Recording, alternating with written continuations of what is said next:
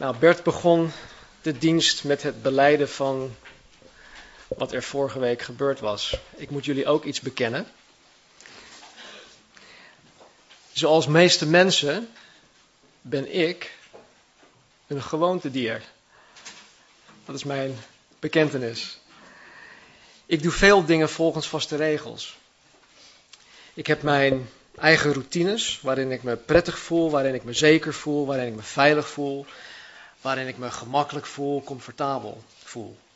Ik hou van regelmaat en liefst blijf ik bij het bekende en bij het vertrouwde. Kunnen jullie je daar ook in vinden? Oké, dus ik ben niet alleen. En oh als iets of iemand mij uit mijn routine haalt. Ja, want van nature hou, hou ik niet van verandering. Ik hou niet van anders, dingen anders doen. Liefst blijf ik in mijn comfort zone. Ik heb heel hard gezocht naar een Nederlandse vertaling voor, het, voor de term comfort zone. Ik heb hem niet kunnen vinden. Is er niet, oké.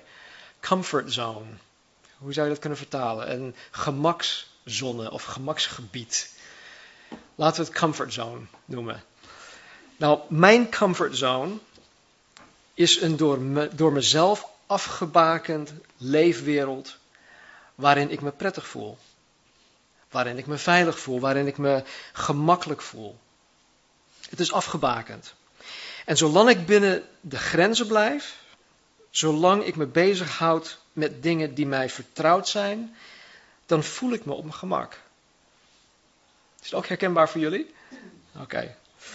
Maar zodra ik over de grens heen stap, zodra ik me begeef op onbekend terrein, het zij door eigen keuze of het zij door omstandigheden, zodra ik iets nieuws of anders onderneem, dan zijn ineens alle gevoelens van zekerheid, van veiligheid, gemak, van comfort heel ver te zoeken. Ze zijn ineens weg. Ik bevind me op dat moment dan buiten mijn comfortzone. En van nature doen wij dit niet zo gauw uit eigen initiatief. Althans, ik niet. Liefst blijven wij binnen de door ons gestelde grenzen. Nogmaals, omdat dat veilig is. Het is comfortable. Het is zeker. Nou, er is op zich niets mis met, met routine. En met het doen van dingen volgens vaste regels. De mens heeft behoefte aan structuur. De mens heeft behoefte aan, um, aan duidelijkheid, aan regelmaat enzovoort. Maar het gevaar kan wel zijn dat wij ons zodanig verankeren in onze comfortzone dat wij onszelf afsluiten van eventuele positieve veranderingen. Ja, we kunnen onszelf zodanig verankeren, hielen in het, in, in het zand, uh, onze poot stijf houden, hoe je het ook noemen wil, dat wij het gevaar lopen dat wij onszelf afsluiten van positieve veranderingen. Nou, vanmorgen gaan we kijken naar een verandering binnen de gemeente in Jeruzalem. En we zullen de gevolgen zien van deze veranderingen. En op eerste gezicht lijkt het een gigantische drama te zijn. En wat er met hun gebeurt. Maar als we verder kijken, dan zullen we zien dat Gods hand erop is. En dat Gods wijsheid de, de boventoon voert. Laten we nog, eer, nog eerst bidden, want ik wil echt dat wij dit begrijpen. Heere, uw woord is krachtig, Heer. Maar Heer, we moeten het wel kunnen begrijpen. Dus Heer, open ons, ons verstand, open onze ogen. Heer, open vooral onze harten. Heer, dat wij mogen zien, dat wij mogen aanvaarden, Heer, dat wij mogen toe-eigenen alles wat U voor ieder van ons individueel, maar ook collectief, Heer, te zeggen hebt. Spreek tot ons. Amen. Nou, vorige week sloten wij hoofdstuk 7 af met de moord van Stefanus. We zagen dat, uh, dat daar ook een zekere jonge fariseer bij stond, die Saulus heette. Hij lette op alle jassen van degene die Stefanus stenigde. En vandaag pakken we het op bij hoofdstuk 8, vers 1. En Saulus schepte eveneens behagen in zijn dood, in de dood van Stefanus. En er ontstond op die dag een grote vervolging tegen de gemeente die in Jeruzalem was. En ze werden allen verstrooid over de landstreken van Judea en Samaria, met uitzondering van de apostelen. En vrome mannen droegen Stefanus samen naar het graf en bedreven grote rouw over hem. En Saulus begon de gemeente te verwoesten. Hij ging de huizen binnen, sleurde mannen en vrouwen mee en leverde hen over in de gevangenis. Zij dan die verstrooid waren, trokken het land door en verkondigden het woord. En Filippus daalde af naar de stad van Samaria en predikte hun Christus. En de menigte hielden zich eensgezind aan wat door Filippus gezegd werd, omdat zij de tekenen die hij deed hoorden en zagen. Want bij velen die onreine geesten hadden, gingen die er onder luid geschreeuw uit. En veel verlamden en kreupelen werden genezen. En er ontstond grote blijdschap in die stad. Tot zover. Vers 1. En Saulus schepte eveneens behagen in zijn dood. Dat staat er. Het staat, er staat dat Stefanus het, of eh, Saulus het fijn vond dat Stefanus gedood werd. Een betere vertaling van wat hier in de grondtekst staat is dat Saulus heeft ingestemd met het doden van Stefanus. Hij heeft ingestemd met het doden van Stefanus. Oké, nou en, wat, wat wil je daarmee zeggen? Nou, het is namelijk zo dat als Saulus het alleen maar leuk vond dat Stefanus gestenigd werd, nou dat, dat zou niet interessant zijn. Dat is gewoon, ja, dan zou je zeggen van, ja, boeien.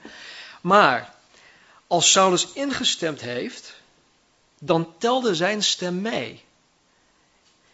En dit impliceert dat hij deel uitmaakte van de Hoge Raad.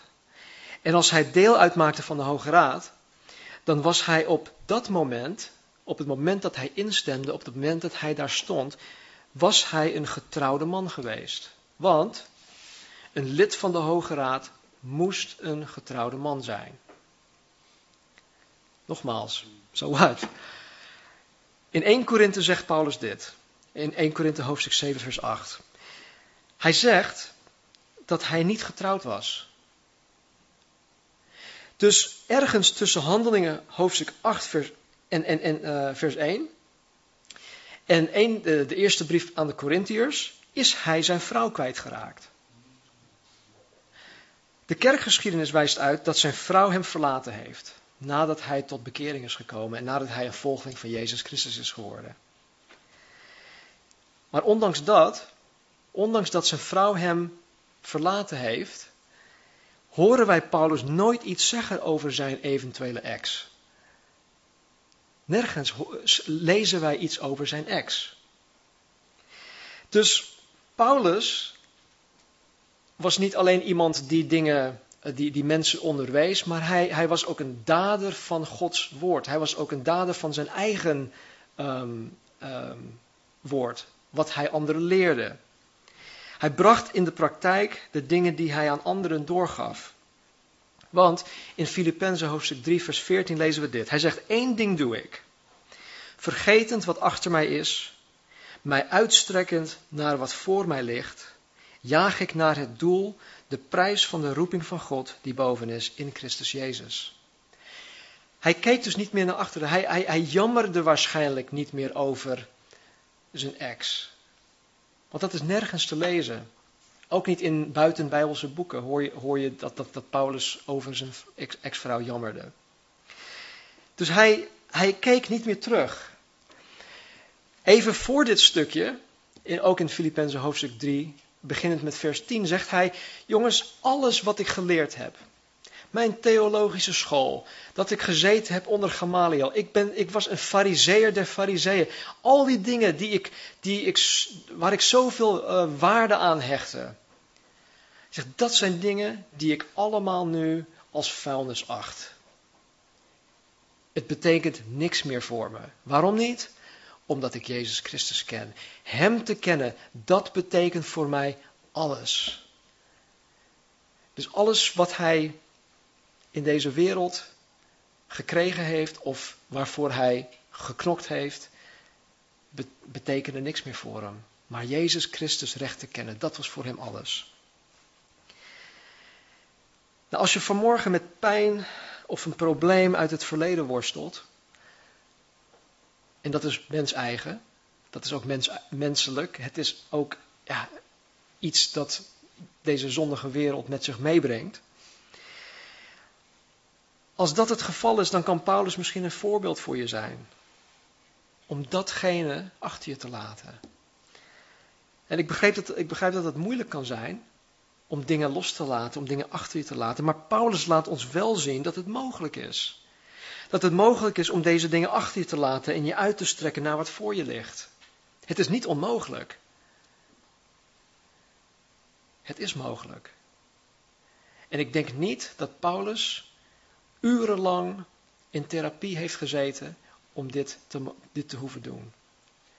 Nee, hij had zijn ogen op Jezus Christus gericht en hij, hij strekte zich uit naar datgene voor hem lag.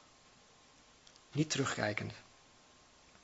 Maar Jezus Christus, diezelfde Jezus, kan en wil ons vanmorgen vrijmaken van ons verleden. Hij wil een bijzonder werk doen in ons heden, in onze toekomst. En mocht dit van toepassing zijn, laat het vandaag alsjeblieft los en laat Jezus Christus datgene nemen wat je tot nu toe altijd als last hebt gezien en gevonden. Geef het aan Hem. Er ontstond op die dag, vers 1, een grote vervolging tegen de gemeente die in Jeruzalem was en ze werden allen verspreid over de landstreken van Judea en Samaria, met uitzondering van de apostelen. Nou, jullie herinneren dat Jezus in hoofdstuk 1, vers 8 zei dat wanneer de discipelen met de Heilige Geest gedoopt zou worden, dat zij kracht zouden ontvangen om getuigen te zijn in Jeruzalem, in Judea, in Samaria en tot het uiterste van de aarde. Dat was de belofte van Jezus. En we zien ook dat ze inderdaad getuigen zijn in Jeruzalem. Tot nu toe, hoofdstuk 8, een periode van zo'n zes jaar. Dus tussen handelingen 1 vers 8, waar Jezus de belofte had gegeven, tot hoofdstuk 8 vers 1, zit zes jaar tussen. Dus in die periode bleven ze met z'n allen in Jeruzalem. De kerk bestond alleen nog maar in Jeruzalem.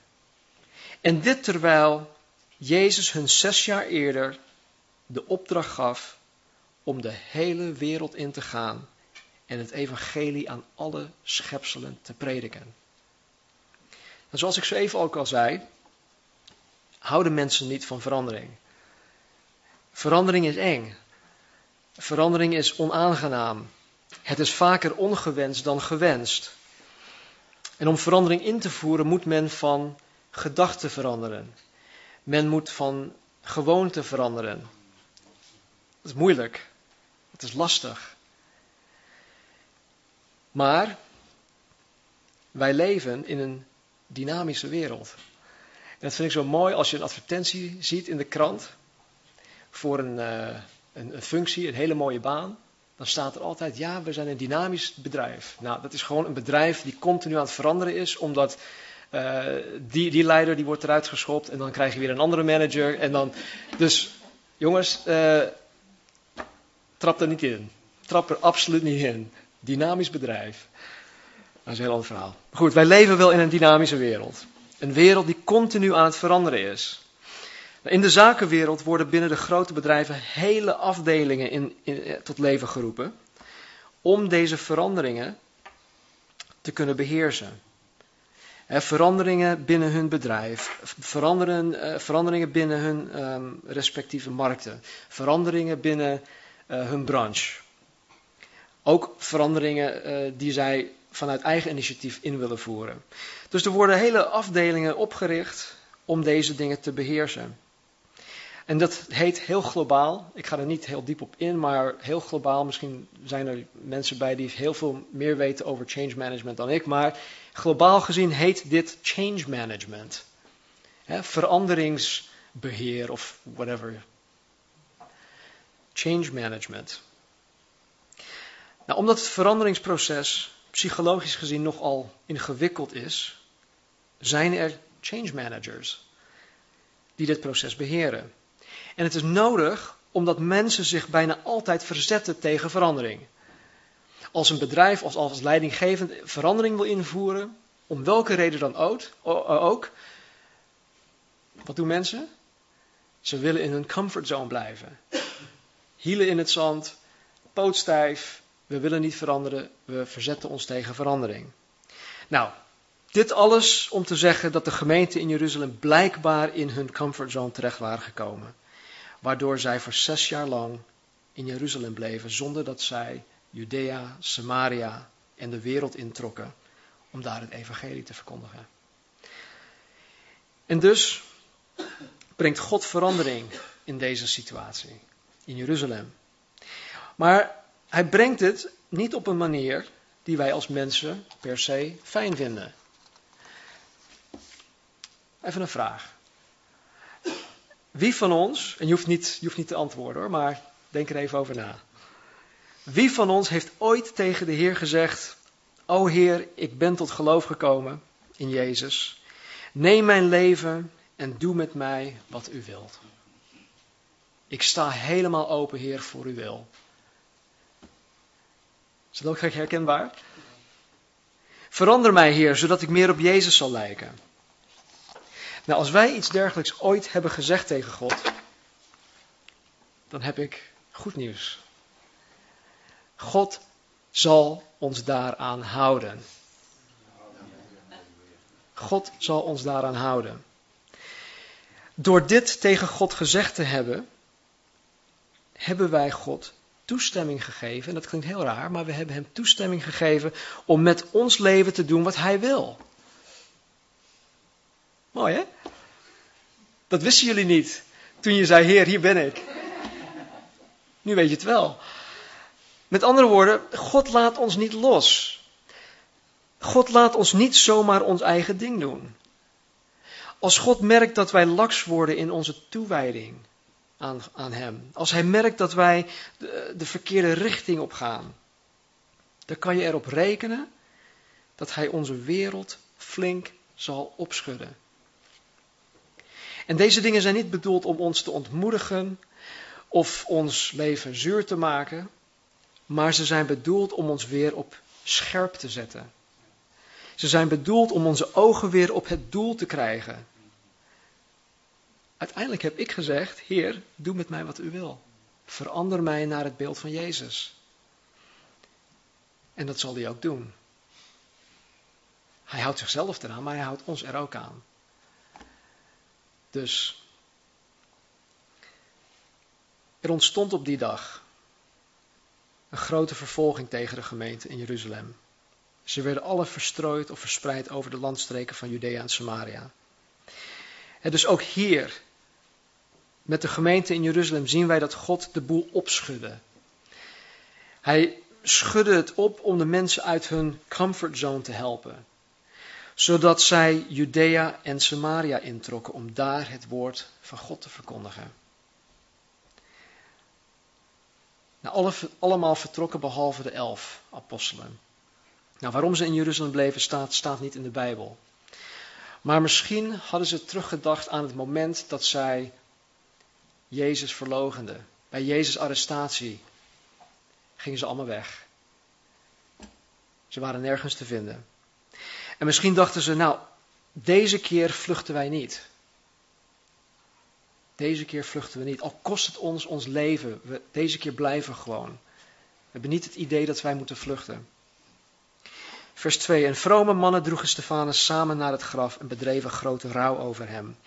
Nou, deze vrome mannen waren meest waarschijnlijk godvrezende Joden die nog niet tot geloof waren gekomen in Jezus Christus, want zij bedreven grote rouw over Stefanus volgens de richtlijnen in de wet van Mozes.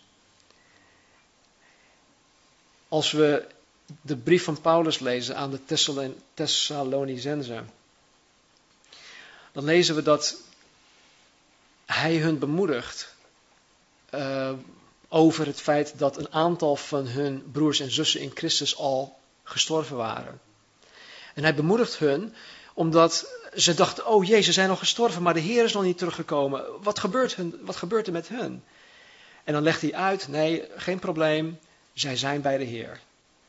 Dus Stefanus, het staat ook aan het eind van hoofdstuk 7 dat op het moment dat hij stierf, hij zag de hemel opengaan. Hij zag Jezus aan de rechterhand van de Vader staan om hem te ontvangen. Dus de gelovigen in Jezus Christus, die, die, die rouwden niet over Stefanus. Deze godvrezende Joden blijkbaar wel. Vers 3. En Saulus begon de gemeente te verwoesten.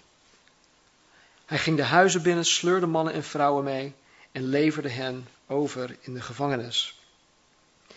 Saulus, die na zijn bekering de apostel Paulus zou worden, was geleerd. Hij was verfijnd. Hij was ontwikkeld. Hij zat onder Gamaliel. Hij was een toegewijde leerling in de wet. Hij was ook meester in de Griekse taal. Saulus, Paulus. Maar ondanks zijn prestaties, ondanks alles wat hij op zijn cv had staan, gingen bij Paulus of Saulus toen alle stoppen door. En hij ging als een onbeteugeld beest tekeer tegen de christenen. En over zichzelf zegt Paulus jaren later tegen Timotheus het volgende. En dat is in 1 Timotheus hoofdstuk 1, vers 12 tot en met 15. Ik uh, citeer ook weer uit het boek. Hij zegt, wat ben ik dankbaar. Oh, dit, dit is zo mooi. Dit is zo mooi, luister. Wat ben ik dankbaar dat onze Heere Jezus Christus mij heeft uitgekozen om een van zijn boodschappers te zijn. En dat Hij mij de kracht geeft Hem trouw te blijven. Hoewel ik vroeger zelfs de naam van Christus bespot heb. Ik heb Zijn gemeente vervolgd en deze kwaad gedaan zoveel ik kon. Maar God heeft zich over mij ontfermd, omdat ik niet wist wat ik deed. Ik kende Christus toen nog niet. Wat is de Heer goed voor mij geweest? Hij heeft mij het geloof in Christus Jezus gegeven en mij gevuld met diens liefde. Het is een onomstotelijk feit. En iedereen zou dat moeten geloven. Dat Jezus Christus in de wereld is gekomen om zondaars te redden. En ik was wel de ergste van hen allemaal. Wauw. Het bleef bij hem. Alles wat hij tegen Jezus Christus gedaan had, alles wat hij tegen de, de, de, kerk gedaan had, dat is bij hem gebleven. Jaren later weet hij dat nog steeds. Er zijn dingen die wij beter kunnen vergeten, zoals Paulus in Filippenzen zei. vergetend wat achter mij is, uitstrekkend naar hetgene voor me ligt. Absoluut. Maar er zijn ook dingen die goed zijn om altijd voor ogen te houden. Namelijk dat wij ons altijd beseffen waar we vandaan zijn gekomen. Voor mij is het goed, in bepaalde situaties, om te beseffen dat ik een zondaar ben, die door de genade van God gered is. Natuurlijk ben ik een nieuwe schepping geworden in Christus, ik ben geheiligd, maar ik, ik weet wel waar ik vandaan ben gekomen. Dus wie ben ik om met een wijzende vinger andere mensen te oordelen? Jezus is ook voor hun gestorven. Jezus heeft ook hun lief. Dus het is niet aan mij om met een wijzende vinger mensen te oordelen. Kijk, Paulus dacht dat hij God een dienst deed door de christenen te, te vervolgen. En ik denk dat hij heel erg verrast zou zijn geweest op het moment dat Jezus aan hem verscheen en zei: Paulus, waar ben je mee bezig? Je, je vervolgt niet mijn kinderen, je vervolgt mij. Mij vervolg hiermee. Surprise. Ik denk dat wij hier een, een, een, ja, of hieruit een les kunnen leren. Een les van Paulus. Want ook wij kunnen schade verrichten aan de gemeente. Ik kan ook schade verrichten aan de gemeente. En ik kan dat doen als ik zelf voldaan in mijn woonkamer zit en als ik denk van aan die persoon, oh. En dan ga ik van huis tot huis denk ik aan die mensen of aan die mensen. En dan zeg ik, oh man, ik begrijp die personen niet. Hoe, hoe is het mogelijk? Ik, ik snap dat niet. Hoe kan hij of zij dit nou denken of zeggen of doen? En ik zeg het al, ik begrijp het niet. Ha, that's it. Ik begrijp het niet. Dus als we al beginnen met ik begrijp het niet, nou, dan begrijp je het ook echt niet. Laat het aan God over. Bid liever voor die persoon. Anders verricht je schade aan die persoon, aan de gemeente, aan zijn uh, erf, erfgoed, aan hemzelf. In Romeinen 14, vers 4 staat er dit. Wie bent u? Wie ben ik? Dat u de huisknecht van een ander oordeelt. Of hij staat of valt, gaat alleen zijn eigen Heer aan. Hij zal echter staande gehouden worden, want God is bij machten hem staande te houden. Dus het is niet aan mij. Het is niet aan ons. En dat maakt mijn leven een stuk makkelijker.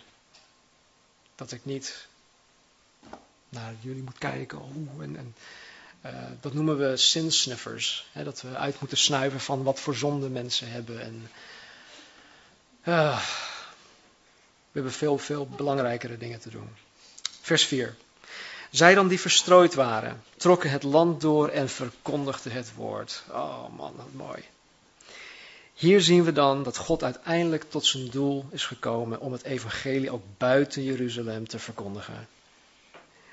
En om dit te, bereiken, heeft God onder andere het optreden van Saulus toegestaan. Hij heeft het toegelaten. God wilde verder gaan dan alleen Jeruzalem. God wil ook verder gaan met jullie. Hij wil verder gaan met mij. God wil veel dieper gaan met jou en met mij. Veel dieper. En als je ooit tegen God gezegd hebt dat Hij zijn gang mag gaan met jou, dan komt het weer. Dan zal God alles gebruiken om verder en dieper te gaan met jou. Hij zal alles gebruiken. Hij zal zelfs je leven ondersteboven gooien als dat nodig is om, om iets met jou te bereiken. Of om jou überhaupt te kunnen bereiken. In Romeinen 8, vers 28 staat er dit. Wij weten dat voor hen die God liefhebben, alle dingen meewerken ten goede. Voor hen namelijk die naar zijn voornemen geroepen zijn. Alles werkt mede ten goede. Die God liefhebben. Heb je ooit gezegd, Heer, hier ben ik. Neem mijn leven, doe met mij wat u wil. Dan zal hij je daaraan houden. In Romeinen, even, even verder, drie versen verder, in Romeinen 8, vers 31 staat dit. Wat zullen wij dan van deze dingen zeggen? Als God voor ons is, wie zal tegen ons zijn? Al gooit God ons leven helemaal ondersteboven, wees ervan verzekerd dat God voor ons is. Hij is voor ons. En als Hij voor ons is, wie zal er tegen ons zijn? Niemand. Lees de rest van hoofdstuk 8. Niets, maar dan ook niets kan ons scheiden van de liefde van God die in Christus Jezus is. Man, wat een belofte. Wie of wat gebruikt God op dit moment in jouw leven om zijn wil, om zijn plan voor jouw leven te bereiken? Wat laat God momenteel toe om jouw leven nu op te schudden? Gebruikt hij je baas? Gebruikt hij je collega's? Misschien. Misschien zijn het je buren. Misschien is het je man of je vrouw. Of je kind, of meerdere kinderen. Misschien zijn het je ouders. Misschien is het een, een onoverkomelijk probleem. Althans, onoverkomelijk in eigen ogen. Want voor God is niets onmogelijk. Misschien is het een keus waar je nu voor staat. Een keus die je moet maken. Misschien is het een specifieke zonde waar je maar niet af kan komen. Wat het ook is, Hoe probeert God op dit moment in jouw leven je aandacht te krijgen? Laten we bidden. Vader, dank u wel voor uw woord. Heer, u bent zo trouw. Heer, in vier korte versen. Heer, hebben we zoveel geleerd.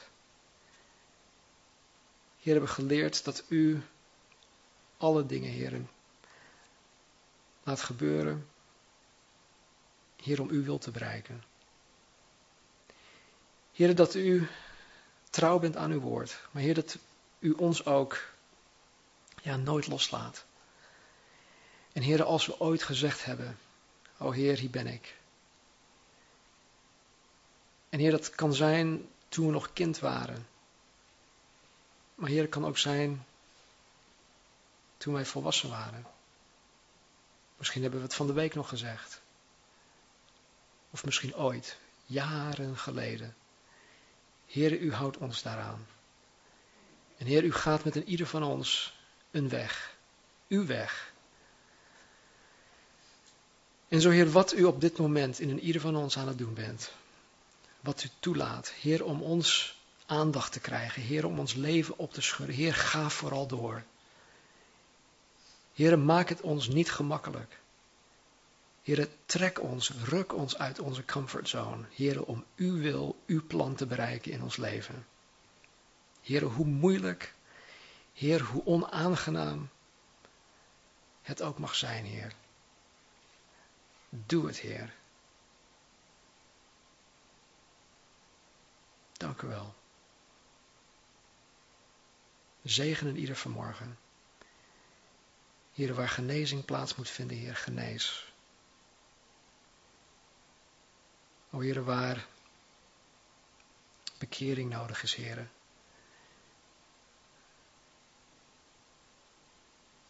Heer, help ons. Schenk ons bekering. En Heer, help ieder van ons om in het reine te komen met U. Heer, opdat wij niets, maar dan ook niet zullen missen, Heer, wat U voor ons hebt. Heer, want U hebt alleen goede dingen. U hebt ons best wil voor U voor ogen.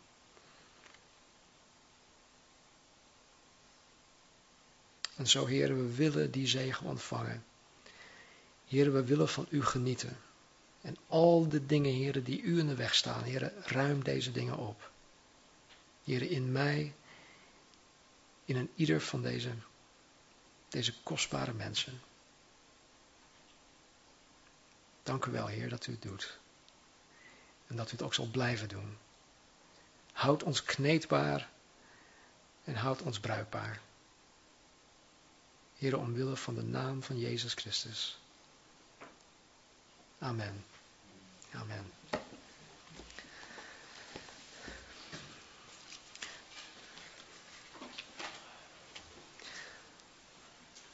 Wij gaan, wij gaan zo meteen na de zegen samen koffie drinken, thee drinken, we kunnen napraten.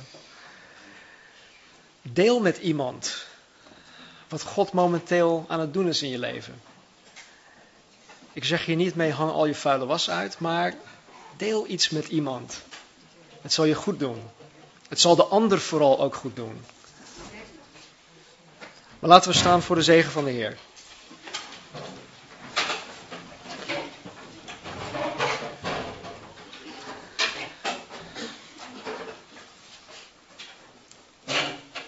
Genade van de Heer Jezus Christus, de liefde van God en de gemeenschap van de Heilige Geest zij en blijven met een ieder van ons.